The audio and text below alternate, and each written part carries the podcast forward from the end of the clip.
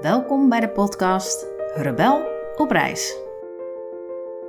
Dit is een podcast over op reis zijn en bij jezelf inchecken welke bagage je meeneemt voor onderweg. Wat heb ik nodig en wat niet meer? Ik ben Annelies Rebel, 37 jaar. Ik hou van mooie gesprekken en verwonder me enorm over welke verhalen mensen met zich meedragen. In deze podcast ga ik op zoek naar een lichter leven en check ik daarom wat er eigenlijk in mijn koffer zit. Wat koester ik en wat ben ik liever kwijt? Onderweg ga ik met allerlei mensen in gesprek die me hebben geïnspireerd om de inhoud van mijn koffer nog eens goed te bekijken. Ze schreven een mooi boek, gaven een training of namen bijzondere afslagen op hun eigen reis. Als ik nou de ene kaars doe, doe jij de andere kaars. Doe je dat vaker kaarsen aansteken? Of het op een of andere manier je verbinden met iets wat licht is? Ja, ik heb wel veel met licht. Ook in heel veel kunstwerken die ik maak. Die zijn ook afhankelijk van licht. Dus, dus er zit altijd licht in of licht onder. Of iets wordt belicht. Of... Ik heb wel veel met het, met het licht. Maar daardoor ook met de nacht. Vandaag spreek ik Bob Venus. Bob is 37 jaar, vader van twee kinderen en naast dat hij ook kunstenaar, rapper, experience maker is, was hij ook 10 jaar lang pionier voor het platform Wijzinzoekers. Een platform voor mensen die op zoek zijn naar zingeving. Hij organiseerde talloze evenementen zoals Kerk van Gebroken Mensen, Losing Your Religion en Brieven aan God. In al deze evenementen kregen mensen de ruimte om zich opnieuw te verhouden tot het geloof en het godsbeeld waarmee ze opgroeiden.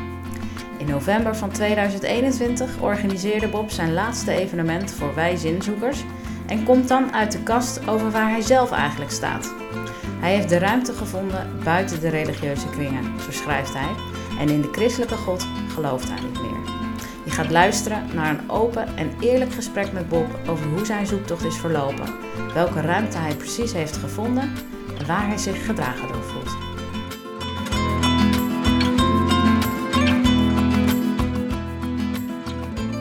Nou Bob, welkom.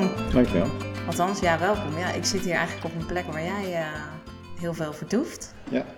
Je hebt je atelier hier, hè? Klopt. Ik, uh, ik, ik scharrel altijd rond op de Eemlandhoeve. En ik heb hier een, uh, een ruimte, een atelier. Het is meer een rommelhoek.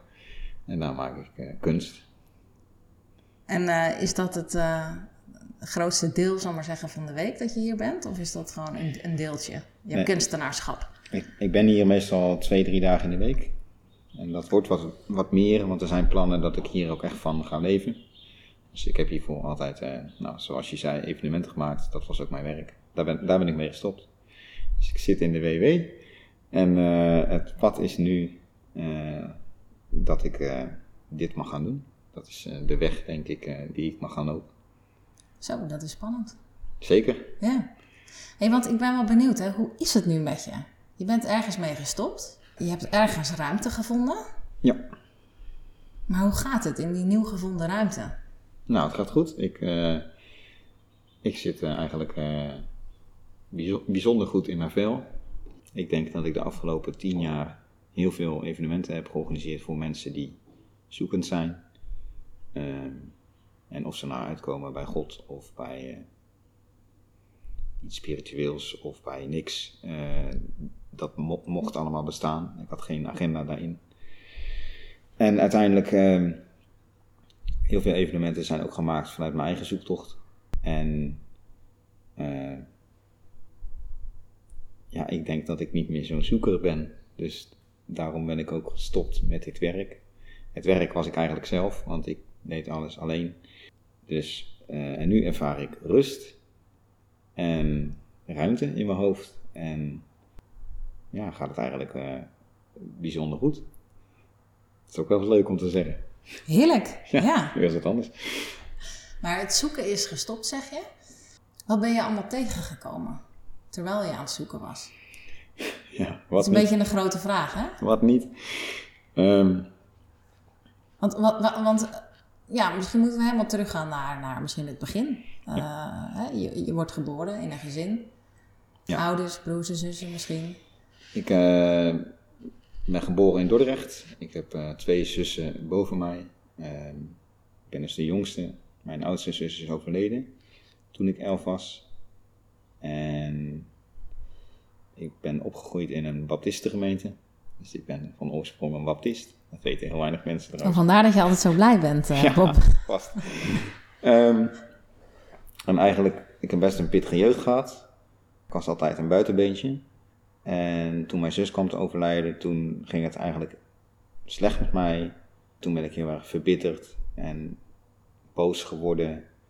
En daar begon, daar begon denk ik wel het grote zoeken. Het grote zoeken naar een waarom-vraag. Waarom is dit gebeurd? Ehm, Wa- wa- Was je op iemand boos? Was God. dat bijvoorbeeld God? God, ja. ja. Oké. ja, ik vond God een eikel. Ik moest ook niks hebben van christenen of de kerk.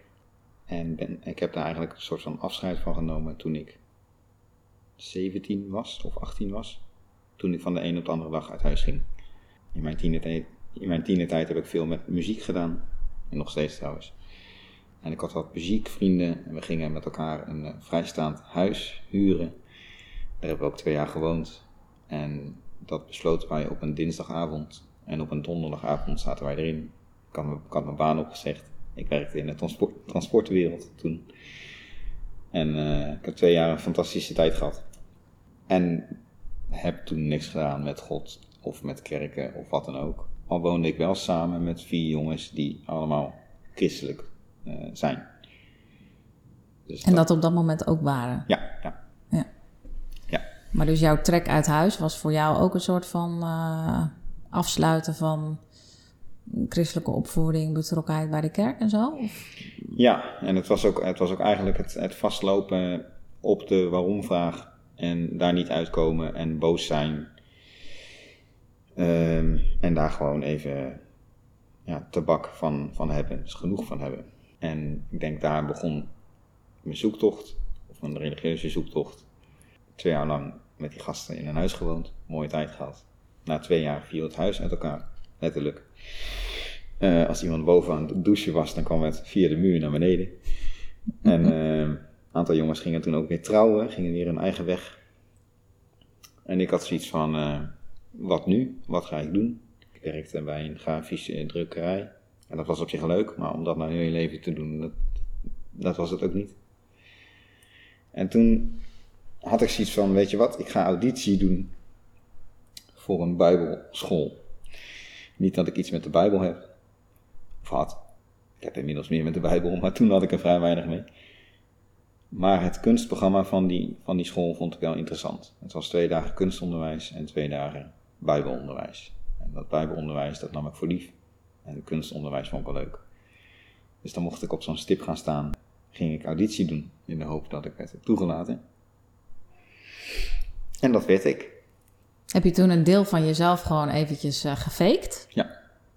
Ja. Ja, want ik was eigenlijk eh, een hele boze jongen. Vooral richting God en geloofsvragen. En zelfs toen ik eh, was aangenomen. En ik zat, ik zat denk ik drie maanden daar. het was ook intern. Je, je sliep daar ook. Ik, ik was daar drie maanden. En toen kwam mijn coach naar me toe. Iedereen heeft daar een coach. En die zei: Bob, je doet leuk mee, maar je pakt het niet. Dat zou ik nooit meer vergeten. Je pakt het niet. Je, je, je lijkt niet te begrijpen wat we hier eh doseren. Of, eh, en dat klopt. Toen viel ik door de mand. Hm. En toen eh, had ik een soort van bekeringsmoment. En daar ben ik wel heel erg veranderd. Dus daar ben ik open gegaan. Ben ik nou, vrolijker geworden. Leerde ik weer te lachen. Heb ik de waarom-vraag, denk ik, achter me gelaten. Die waarom-vraag die werd, die werd later trouwens een, een, een vraag: wat is waarheid? Ging, ging die schil van woede, zou ik maar zeggen, bij, eh, ging dat bij je weg? Of, Ja. of waar, waar, waar zat die bekering precies in? Ja, die zat in het, in het, het, het overgeven aan iets, iets groters, dus aan God. Maar op die God was je heel boos. Ja. Ja, en ik, ik weet nog dat mijn coach iets zei in de trant van... Misschien vind je geen antwoorden, maar, maar is er wel rust te vinden? Zoiets. Of laat dat los, of geef het over. Of, of misschien was het ook gewoon de muziek en de sfeer eromheen. Want daar zijn ze goed in.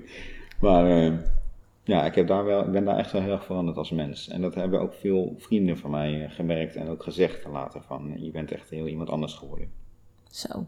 Dat op een bijbelschool, uh, Bob. Einde podcast. en heb je ook het gevoel dat je daarin meer nog weer jezelf bent geworden? Ik, ik ben daar een, denk ik een volledigere mens geworden. Of een, nou, ik, ik leefde denk ik in ontvankelijkheid of in, in rust. Ja. Al zat er ook een kleine keerzijde aan. Het was een evangelische bijbelschool.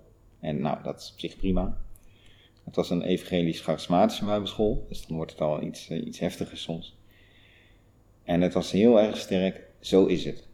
Dus, dus op deze manier, zo is het. En dan werd er ook geschermd met uitspraken als: dit is van de Heilige Geest en dat niet. En, en wil je meer van de Heilige Geest, dan moet je dat doen of dit doen of dat laten. En ik was heel erg hongerig, want ik dacht, dit, dit ik heb het helemaal gevonden, dit, dit is het helemaal. Maar de, de, ja, ik had toch wel wat, wat scheurtjes op een gegeven moment. Dus het was echt een specifieke leer, uh, een beetje uit Amerika overgewaaid. En nou, daar begonnen toch wel, wel scheurtjes in te ontstaan, dat ik zoiets had van, ja, dit is wel best wel een eenzijdige belichting. En jullie kunnen allemaal wel zeggen dat het zo en zo is, maar is het niet zo en zo. Dus toen, oké, hou je vast. Toen ben ik na deze bijbelschool, deze hele charismatische bijbelschool, ben ik uh, op zoek gegaan naar, rondom de waarheidvraag. Wat is waarheid? Want dat vond ik heel belangrijk. En waarheid beperkt zich dan vaak in de juiste leer of de juiste opvatting hebben over een bijbeltekst. Uh, en toen heb ik me aangesloten bij een oud gereformeerde gemeente in Hardingsveld, Giesendam. Dat was de enige ware kerk, zeg maar, dat idee. En daar... Uh... En deed je dat gewoon als, als wijze van experiment? Of had je ook echt het idee van, daar ga ik iets vinden wat ik nu niet vind? Daar ga ik wel een stuk waarheid vinden. nou, ik, de grap is dat, dat zowel in de evangelische kerk uh, als in de soms hele zware orthodoxe kerk, ze hebben allebei een hele sterke waarheidsclaim. En eigenlijk scheelt dat hier niet zoveel. Maar als je daarna op zoek bent, dan trekt dat ook aan. En ik kreeg toevallig een vriendinnetje die in die kerk zat. En zo rolde ik erin. En ja, dat vond ik, nu krijg ik er de bibbers van, maar dat vond ik toen hartstikke aantrekkelijk. Een kerk die zei, zo moet het. En dit is de manier. En ik was jong en, en je wilt graag uh, dingen leren van, van het geloof wat je denkt ontdekt te hebben. Dus ik ging daar helemaal in mee. Dus ik heb alle zware theologen gelezen. Van, uh, nou, moet maar op, Calvijn, Luther, uh, Kolbrugge, uh, boeken uit 1600 waar je helemaal geen s'nachts van begrijpt. Om maar te zoeken naar de juiste uitleg of, of wat geoorloofd is of, of, het christelijke leven te leven. En, en daar ben ik na twee jaar daarin gezeten te hebben, ben ik daar ook van teruggekomen. Maar had je tijdens die twee jaar ook een aantal momenten wel dat je dacht, wauw, zo'n soort bekeringsmoment of zo wat je tijdens die bijbelschool had gehad? Nou, ik had vooral het idee dat ik een ellendig zondig mens was. Uh, wat mij nooit is verteld uh, in, in die bijbelschool dat ik ging doen, of die ik ging doen. Daar was ik juist geaccepteerd en geliefd en welkom. En, en uh, en nu hoorde ik de hele andere kant. Maar daar was ik ook naar op zoek. Zeg maar. Het is niet alleen wit, het is ook niet alleen zwart. Het is misschien wel grijs. Maar uh, ik was heel erg op zoek van, oké, nu wil ik ook, ja, misschien wil ik wel op mijn kop krijgen of zo. Ik wil een keer horen dat ik iets fout doe en niet dat alles goed, goed is. Nou, dat heb ik wel gehoord, denk ik, twee jaar lang. Totdat ik daar helemaal vast in zat, trouwens. Na twee jaar stopte je daar ook mee? Ja, alle zware boeken weggegooid. Letterlijk ook weggegooid? Ja. Waar kreeg je last van? Ja, ik denk gewoon helemaal verstrikt raken in, in de waarheidvraag. Ik had dominees die, die verkondigden op zondag, dit, dit is de waarheid. En daaraan moet je conformeren, daar moet je naar leven. Maar om mij heen zag ik heel veel zware gezichten, zware harten. Uh, en ik begon me af te vragen, nou als, als dit God is, wat doe ik hier dan eigenlijk? Wat, dit, dit, dit kan het voor mij niet zijn. Ik weet nog dat ik, op, dat ik opschreef, uh, lieve God, als dit uw kerk is, waarom bloeien er dan geen bloemen? En alles was zwart en zwaar en uh, En mijn relatie ging uit. Dat ook. Eh, en ik dacht, eh, ik, wil, ik wil hier weg van. Ik wil zwerven. Ik wil eh, de wereld zien. ik heb in die tijd ook nog op een sinaasappelkistje in de stad gestaan om mensen te vertellen dat, dat ze zich moeten bekeren. Dat er een God is die van hen houdt en dat ze anders naar de hel gaan volkomen abstracte boodschap dit, maar, maar toen de tijd zat ik er nogal in. En ik wou daar weg van. Ik wou, ik wou weer een dwaas worden. Iemand die niet alles weet of die alles wil weten. Ehm, ik, ik wou niet meer op dat kistje staan zonder enige liefde voor mensen in mijn hart. En, en ik stond op dat kistje toen omdat ik geïnteresseerd was in, in de geloofskeuzes van, van mensen. Maar ik kende mijn eigen buurman nog ineens. Dus dan ben je gewoon dom bezig eigenlijk. Dan, dan denk je, je bent bevangen door een liefde van God. Terwijl ik eh, mensen geen onderdak bied of mensen niet goed. Of, dus dat kan niet. Ik, ik, raakte helemaal eh, in de war van mezelf en van wat ik geloofde. En ik zag ook dat deze christelijke kring waarin ik zat eigenlijk zich beperkte qua naaste liefde of zorgen voor de ander. Eh, tot mensen binnen die kring. Dus gemeenteleden zochten voor gemeenteleden en uh, mensen van de kerk waren bevriend met mensen van de kerk. En het was één grote loop en één grote tunnel. En uh, ik weet nog dat ik het uitmaakte. Dat, dat liep synchroon, dat ik daar wegging. En dat ik tegen mijn ex-vriendin zei: uh, Vogels zijn gemaakt om te vliegen. En ik moet weer gaan vliegen, ik moet hier niet uh, zijn. Toen ben ik de dijk afgelopen en uh, ben ik weer uh, gaan verder reizen, denk ik, rondtrekken. En de waarheidsclaim is daar wel een beetje, ja, die heb ik daar wel een beetje losgelaten, denk ik. Hm. Dus eerst had je eigenlijk de vraag waarom? Ja. Hè, waarom is dit gebeurd? Waarom is dit me overkomen? Dat, dat ging over in de vraag: wat is nou eigenlijk waarheid? Ja. En die vraag, die, ja, die kreeg ook niet echt één antwoord. Nee. En überhaupt, het stellen van die vraag deed je ook niet meer goed. En toen? Ja, ik denk dat indirect in, dat het vaak, bewust of onbewust, dat er vaak gesproken wordt in de waarheid. Of in zwart of in wit. Mhm. En ik, ik merkte gewoon bij mezelf, ik wil daar niet meer in denken. Ja. Ik denk dat ik heel mijn christelijke opvoeding getraind ben op zondag om te leren denken in goed of fout. Terwijl er ergens een boodschap is van een man die hangt aan een kruis, die iemand ziet in een boom, eh, of een maaltijd houdt voor mensen en dan niet zichzelf afvraagt: is dit goed of fout? Maar het gewoon doet. En ik heb duizenden preken gehoord over dat je niet moet oordelen, terwijl in elke preek vaak een, een zwart-wit perspectief staat.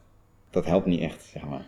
En, en is dat voor jou echt gerelateerd aan, aan een bepaald kerkgenootschap? Of, of heb je dat ondervonden breder in het christendom? Ik, ik denk dat dat. Uh, Oké, dit, is, dit is een gevaarlijke uitspraak, maar ik denk dat dat uh, ook in het christendom zit. Ja. Ik heb heel veel kerken, evenementen, projecten gemaakt om maar te bewijzen dat God liefde is. En dat al dat oordeel, dat dat niet in de Bijbel staat, dat dat niet bij, in God zit. Maar eigenlijk in de, in, nou, daar ben ik van teruggekomen. Uh, ik denk dat in de Bijbel zit wel degelijk oordeel, uh, ook in, in, in de christelijke leer, in het verhaal, uh, in de schapen en de bokken. daar, zit, daar zit iets in voor mij wat mij steekt. Hm. En ik zeg altijd met de christelijke versie van God daar heb ik wat moeite mee gekregen. Ja. En ik kan niet meer zeggen dat het alleen zit in kerken, of in preken, in dominees. Nee, ik heb zelfs in mijn laatste brief aan God, heb ik eigenlijk vergeving gevraagd dat ik dat gedacht heb. Uh, dat het daarin zat. Uh, ik denk dat het eigenlijk in het, in het concept zit van de christelijke God. Daar, daar zit voor mij iets in wat steekt. En dat neemt niet weg dat ik heel veel met God heb. Maar met deze versie ervan, ja, dat is gaan, uh, gaan etteren. Mm En je hebt dus van alles geprobeerd uh, te, te, doen uh, om, om, om die versie eigenlijk ja, soort van anders te krijgen. Hè? Ja. Om er anders naar te kijken, om mensen daarin mee te nemen, om mensen ook die ruimte te geven om anders te kijken. Um, lukte dat? Of hoe reageerden mensen daarop? Was dat voor heel veel mensen een bevrijding? Of hadden ze zoiets van, hè, wat probeer je nu? Dat is een goede vraag. Ik denk dat mensen, als, als ze het over mij hebben, hoe ik vroeger was of zo, of hoe ik in deze zoektocht was, dan zouden ze altijd zeggen dat ik onrustig was en dat ze daar zelf ook wel eens gek van werden. Dus ik denk dat dat voor de mensen om me heen wel moeilijk is geweest, ook dat ik daarin zo'n zoeker was. En soms was het ook heel aantrekkelijk.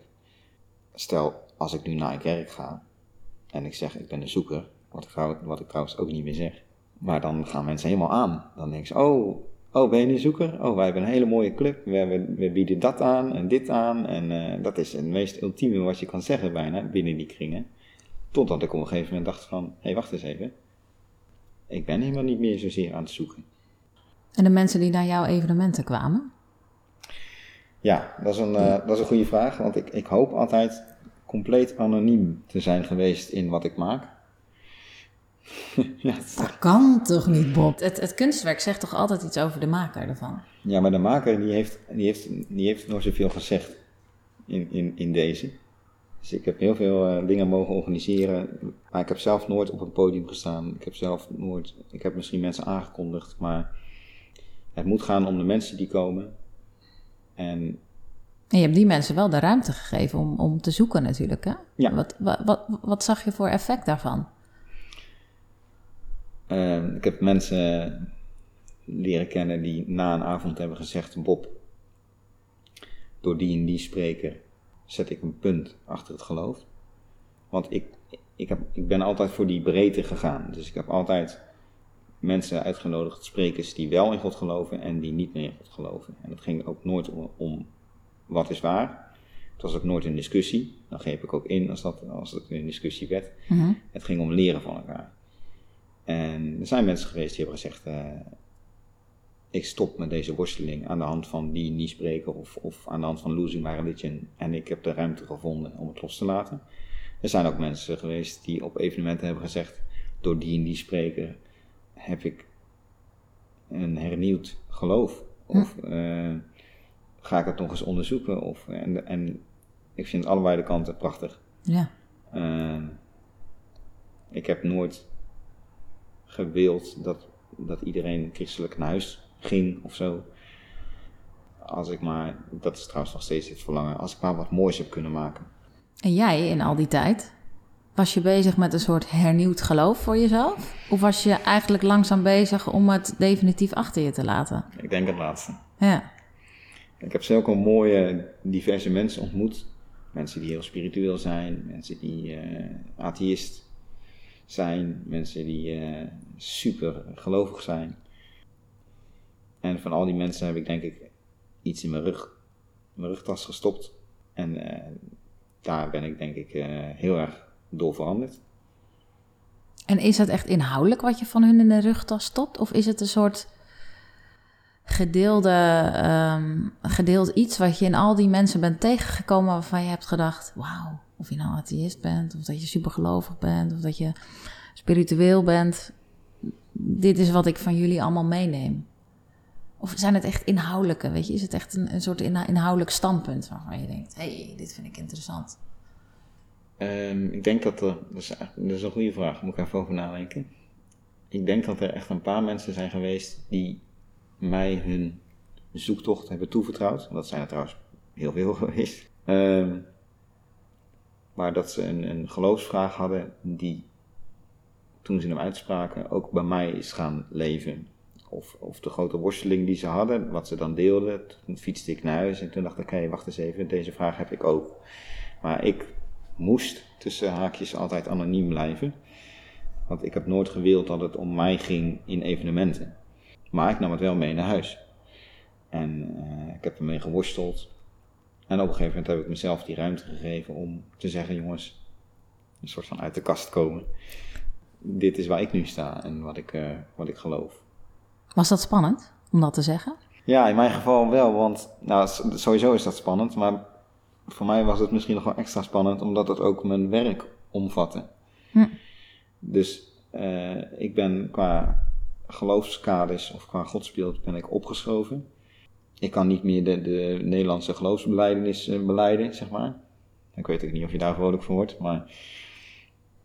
En daar ben ik mee ja, in het licht gekomen. Ik heb gezegd, ik heb een brief geschreven aan God en ik heb gezegd, jongens, zo is het. En voor mij is het, niet zo is het, maar voor mij is het nu zo. Eh, en ik kan dit werk om die reden niet meer doen. Dus mijn werk stopte ook en mijn inkomsten stopten. En, eh, en tien jaar lang pionieren en tien jaar lang heel veel dingen maken is indirect gestopt. Nou maak ik nog, nog steeds dingen, maar geen kruisjes of kerken of Jezusen of wat dan ook meer. Mhm. Dus dat was een spannend, ja.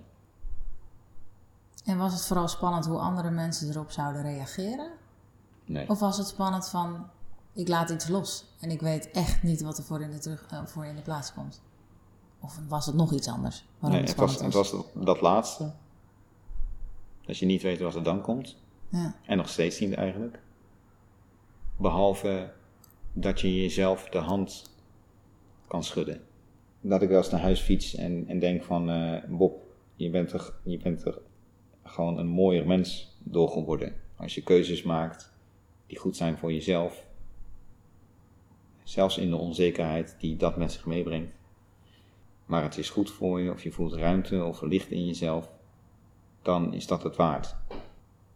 Dat is leven in genade trouwens. Eh, Tja. ja, en daar zit ik nog steeds in. Ik heb daar nog geen moment spijt van gehad. Ik heb wel moeite gehad met de framing die dan plaatsvindt. Dus dan, ik heb gezegd, mensen, ik heb een iets ander beeld. Dit was het voor mij. Bedankt voor de tien mooie jaren. Eh, en hoe dan soms religieuze mensen je gaan framen uit een gevoel van veiligheid. Want ja, die mensen die denken ook, ja, is het nu goed? Eh, is het fout? Is Mop afvallig? Of is hij diepgelovig? Of... Dat heb ik altijd moeite, of dat, dat heb ik altijd moeilijk gevonden, moeite mee gehad. Maar goed, dat moet je ook bij die mensen laten. Maar Ja. Er zijn een aantal mensen geweest die hebben mij toen zo geframed als iets wat ik helemaal niet ben of ben geweest. En dat, dat heeft wel zeer gedaan. ja. Heb je dat tegen hun uitgesproken of heb je dat gewoon gelaten? Zo van, nou oké, dit, is, eh, dit is van jou en ik ga nu weer verder? Ik heb dat wel uitgesproken en toen ook gelaten. Ja. ja. Maar heb je nu weer een nieuwe waarheid gevonden? Nee, ik zou het ook niet willen. Nee. Want die, kijk, wat mijn ervaring is, als je echt bent opgevoed met heel sterk het idee van goed en fout, dan blijft dat patroon best wel lang hangen. Ja. Dus dan ga je denken van, nou, wat die, wat die kerk allemaal heeft gezegd, of hoe nou, christelijk geloof op een aantal punten. Nee, dat, dat, dat. Maar nu, wat ik nu heb gevonden, dat is het dan wel. Ja. Ja, maar zo, eh, ben je, dus zo is het niet voor jou nu. Nee, ik, heb, ik ben heel erg aan het oefenen geweest. Ik denk dat ik dat nu redelijk kan. Om niet meer te denken in goed of fout, maar in het is. En eh, het is mooi, het is kloten, het is, nou wat het ook is, het is.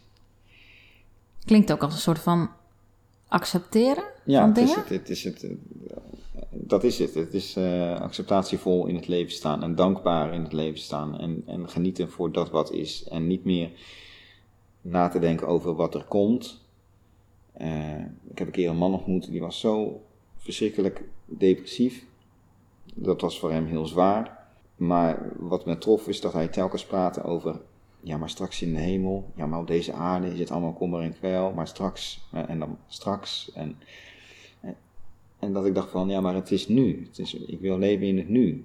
Die hemel die biedt helemaal geen troost als het nu zogenaamd allemaal kommer en kwel is. Maar het leek net alsof die man, omdat hij een soort van hemelperspectief had, dat hij bijna niet meer kon zien eh, dat hij in het nu leeft. Of dat hij, hij moet er nu ook iets van maken. Eh, en ik ben daar, denk, of dat hoop ik, wel veel meer bezig om te leven in het nu. En te voelen in het nu.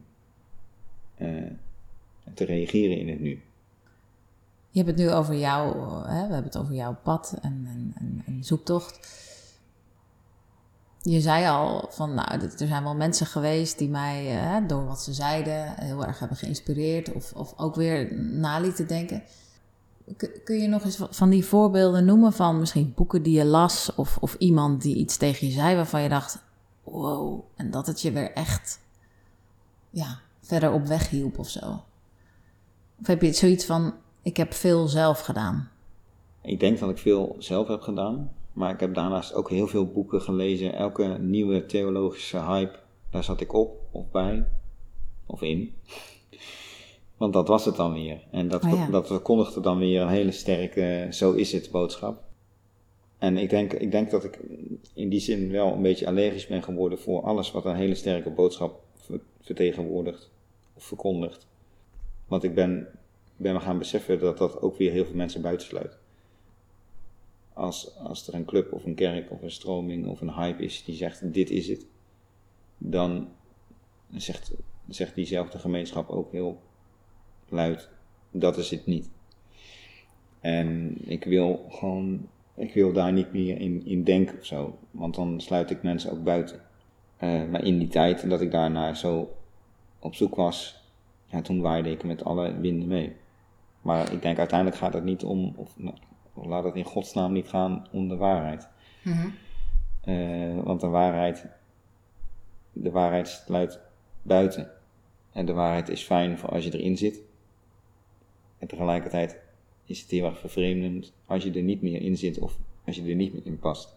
Hoe ik ook tegen waarheid aankijk. Het feit dat jij hebt gezegd van ik, ik stop daar nu mee, hè? ik heb de ruimte buiten die kringen gevonden. Dat is toch ook een vorm van waarheid? Positief vreemd, hè? Niemand niets buitenslaan, maar dat je echt trouw bent aan jezelf. Dat je van binnen weet van, dit is nu wat ik te doen heb. Of zo. Of hoe zou je dat noemen? Misschien noem jij dat geen waarheid, maar voor mij is dat ook iets wat waar is. En ja. Ja, ik, in, in de laatste brief die ik schreef aan God, heb ik het gewoon heb ik het verwoord als een mysterie. En dat ik het mysterie omarm. Maar dat ik nooit meer hoop het te framen of het te begrijpen of te willen begrijpen. Of ik hoop dat hetgeen waar ik nu zit of waar ik in geloof, mhm. dat ik dat nooit de waarheid zou noemen. Maar ik hoop ook gewoon te praten in dat het voor mij deze keuze was en voor mij deze weg was. Maar het is niet ik hang geen waarheid aan. Dit is niet de weg die ik ben gegaan, is geen waarheid. Niemand moet dat op deze manier gaan doen, tenzij ze het zelf willen. Maar laten we het alsjeblieft niet vergroten of, of, of noemen tot een ware weg. Hm, hm. Het is alleen op jouw persoonlijk niveau. Ja. Is dit de weg die je hebt te gaan, zou ik maar zeggen? Ja. ja en als je terugkijkt in heel die reis, ook, ook, ook naar jezelf. Hè? Je hebt natuurlijk dingen gedaan waarvan je nu denkt: oh man, dat sinaasappelkistje. Oh, hoe. Kun je dan ook um, met mildheid daar terugkijken? Of eh, kijk je dan terug van: oh, wat was ik toen stom? Of denk je van ja, heb ik allemaal nodig, uh, was allemaal nodig, zou ik maar zeggen, op mijn pad? Allebei. Ja, ik denk allebei. Ik kan erom lachen, maar ik kan er ook nog boos om worden. Maar ik, ik, ja, om, onwetendheid kan je niet aanrekenen, zeg ik altijd. Dus, mhm. dus, in de tijd dat ik op dat kistje stond, wist ik ook niet beter. En er was niemand die me verteld had om, om een buurman te zien of om voor hem te zorgen of boodschappen te doen voor mensen. Uh, want, want de hel, uh, die kwam, soort van. En je moest uh, mensen waarschuwen. En, dus ik ben een ongelofelijke dwaas geweest toen ik daar op dat kistje stond. En tegelijkertijd ja, wist ik ook niet beter. Hey, heb je je wel eens eenzaam gevoeld onderweg? Ja, maar dat, is, dat heeft niet zozeer of alleen te maken met de weg die ik ben gegaan, maar dat zit ook in, in iets van mij. Ik weet dat ik, uh, ik weet dat ik een eenzaam leven heb. Oké, okay, dit klinkt echt super. Nou ja, je, zei, je begon al met ik, ik, was een buitenbeentje. Ja. ja, ik weet dat ik dat zou zijn, zou blijven ook. Dat dat de grote worsteling ook is van mijn leven. Neem niet weg dat ik wel mensen heb waarbij ik me soms thuis voel, maar het is altijd maar voor even. Dus vogels zijn gemaakt om te vliegen en soms ben ik thuis, maar dan weet ik ook na een tijdje dat, dat het weer eh, weggaat. Of dat ik, dat ik weg moet. Dus het is niet altijd leuk.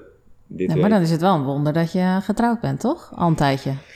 Zeker, Eh, dat is het ook. Het is ook best een uitdaging om met mij getrouwd te zijn, denk ik. En soms dan, eh, soms ben ik ook weg, eh, fysiek, of ben ik hier op de Eemlandhoeve tot, tot laat. Ja. Maar ik weet wel dat ik altijd thuis kan komen.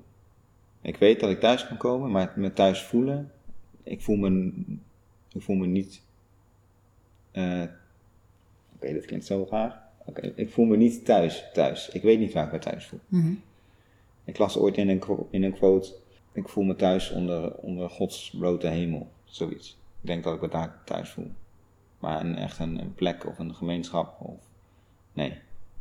Nou, misschien op de Eemlandhoeve. Ja, wou ik net zeggen. Van, is er een bepaalde plek waar je dan bezig bent waarvan je denkt, ja, hier haal ik adem, hier heb ik rust, ruimte. eh, alles wat met het woord thuis te maken heeft, zou ik maar zeggen. Ja, misschien, misschien hier. Maar bovenal heb ik geleerd om ook thuis te gaan voelen bij mezelf. Als je, als je zoveel, zo lang op zoek bent geweest in kerken of clubs of, en je vindt het niet en je vindt het soms wel eventjes in vriendschappen, maar ook niet altijd, dan is het belangrijk om wel een thuis te gaan vinden bij jezelf. En wat is daarin heel belangrijk geweest voor jou? Acceptatie. Acceptatie van wie je bent? Ja. En ook bijvoorbeeld dingen die je niet kunt, of dingen die je minder leuk vindt aan jezelf. Acceptatie van je donkere kant bijvoorbeeld. Of... Ja, dat. eh, eh, ja, dat, dat omarmen. En niet meer in die veroordeling gaan zitten. Mhm. Dat je iets niet leuk vindt. Of eh, leren lachen om jezelf. Wordt het leven ook wel een beetje lichter van, heb ik het Zeker. idee. Zeker. Kan het iedereen aanraden. Hey, want als je nu even naar je denkbeeldige koffer kijkt, heb je het gevoel dat die eh, lichter is geworden in de afgelopen jaren? Ja. In die koffer zitten, zitten mijn vrouw en kinderen, want die draag ik bij me. Daar zit het verlangen om mooie dingen te maken voor mensen.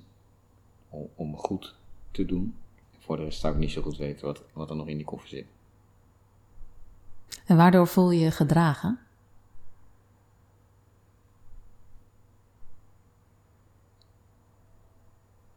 Dit is een hele lange stilte.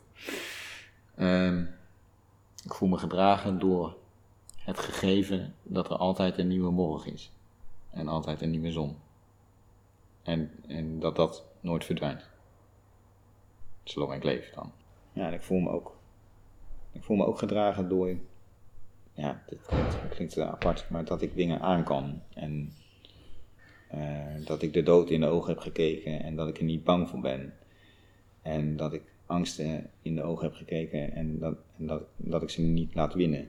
Voel me gedragen in elke tunnel die ik zie, omdat, omdat ik weet dat de les is om erin te gaan, om uiteindelijk ook weer het licht te kunnen zien. Heel veel mensen zijn denk ik bang om de donkere kant in zichzelf op te zoeken of, of eh, twijfels op te zoeken of dingen die spelen. Maar mijn ervaring is juist gaat aan, want je wordt er een rijker, wijzer mens van. En je wordt er lichter van ook. Ja, ik denk dat dit een. eh, ik neem hem mee mijn koffer in, eh, Bob, deze gedachte. Mooi. het een hele mooie. eh, ja. Volgens mij moeten we gewoon afsluiten, want het kan niet mooier worden. Oké. Het was mooi, dankjewel. Voor je openhartigheid en je verhaal ook. Graag gedaan. Leuk dat je luisterde. Wil je ook mee op reis? Ga dan naar anneliesrebel.nl, check alle andere afleveringen en doe vooral nog meer inspiratie op op de Facebookpagina Rebel op reis.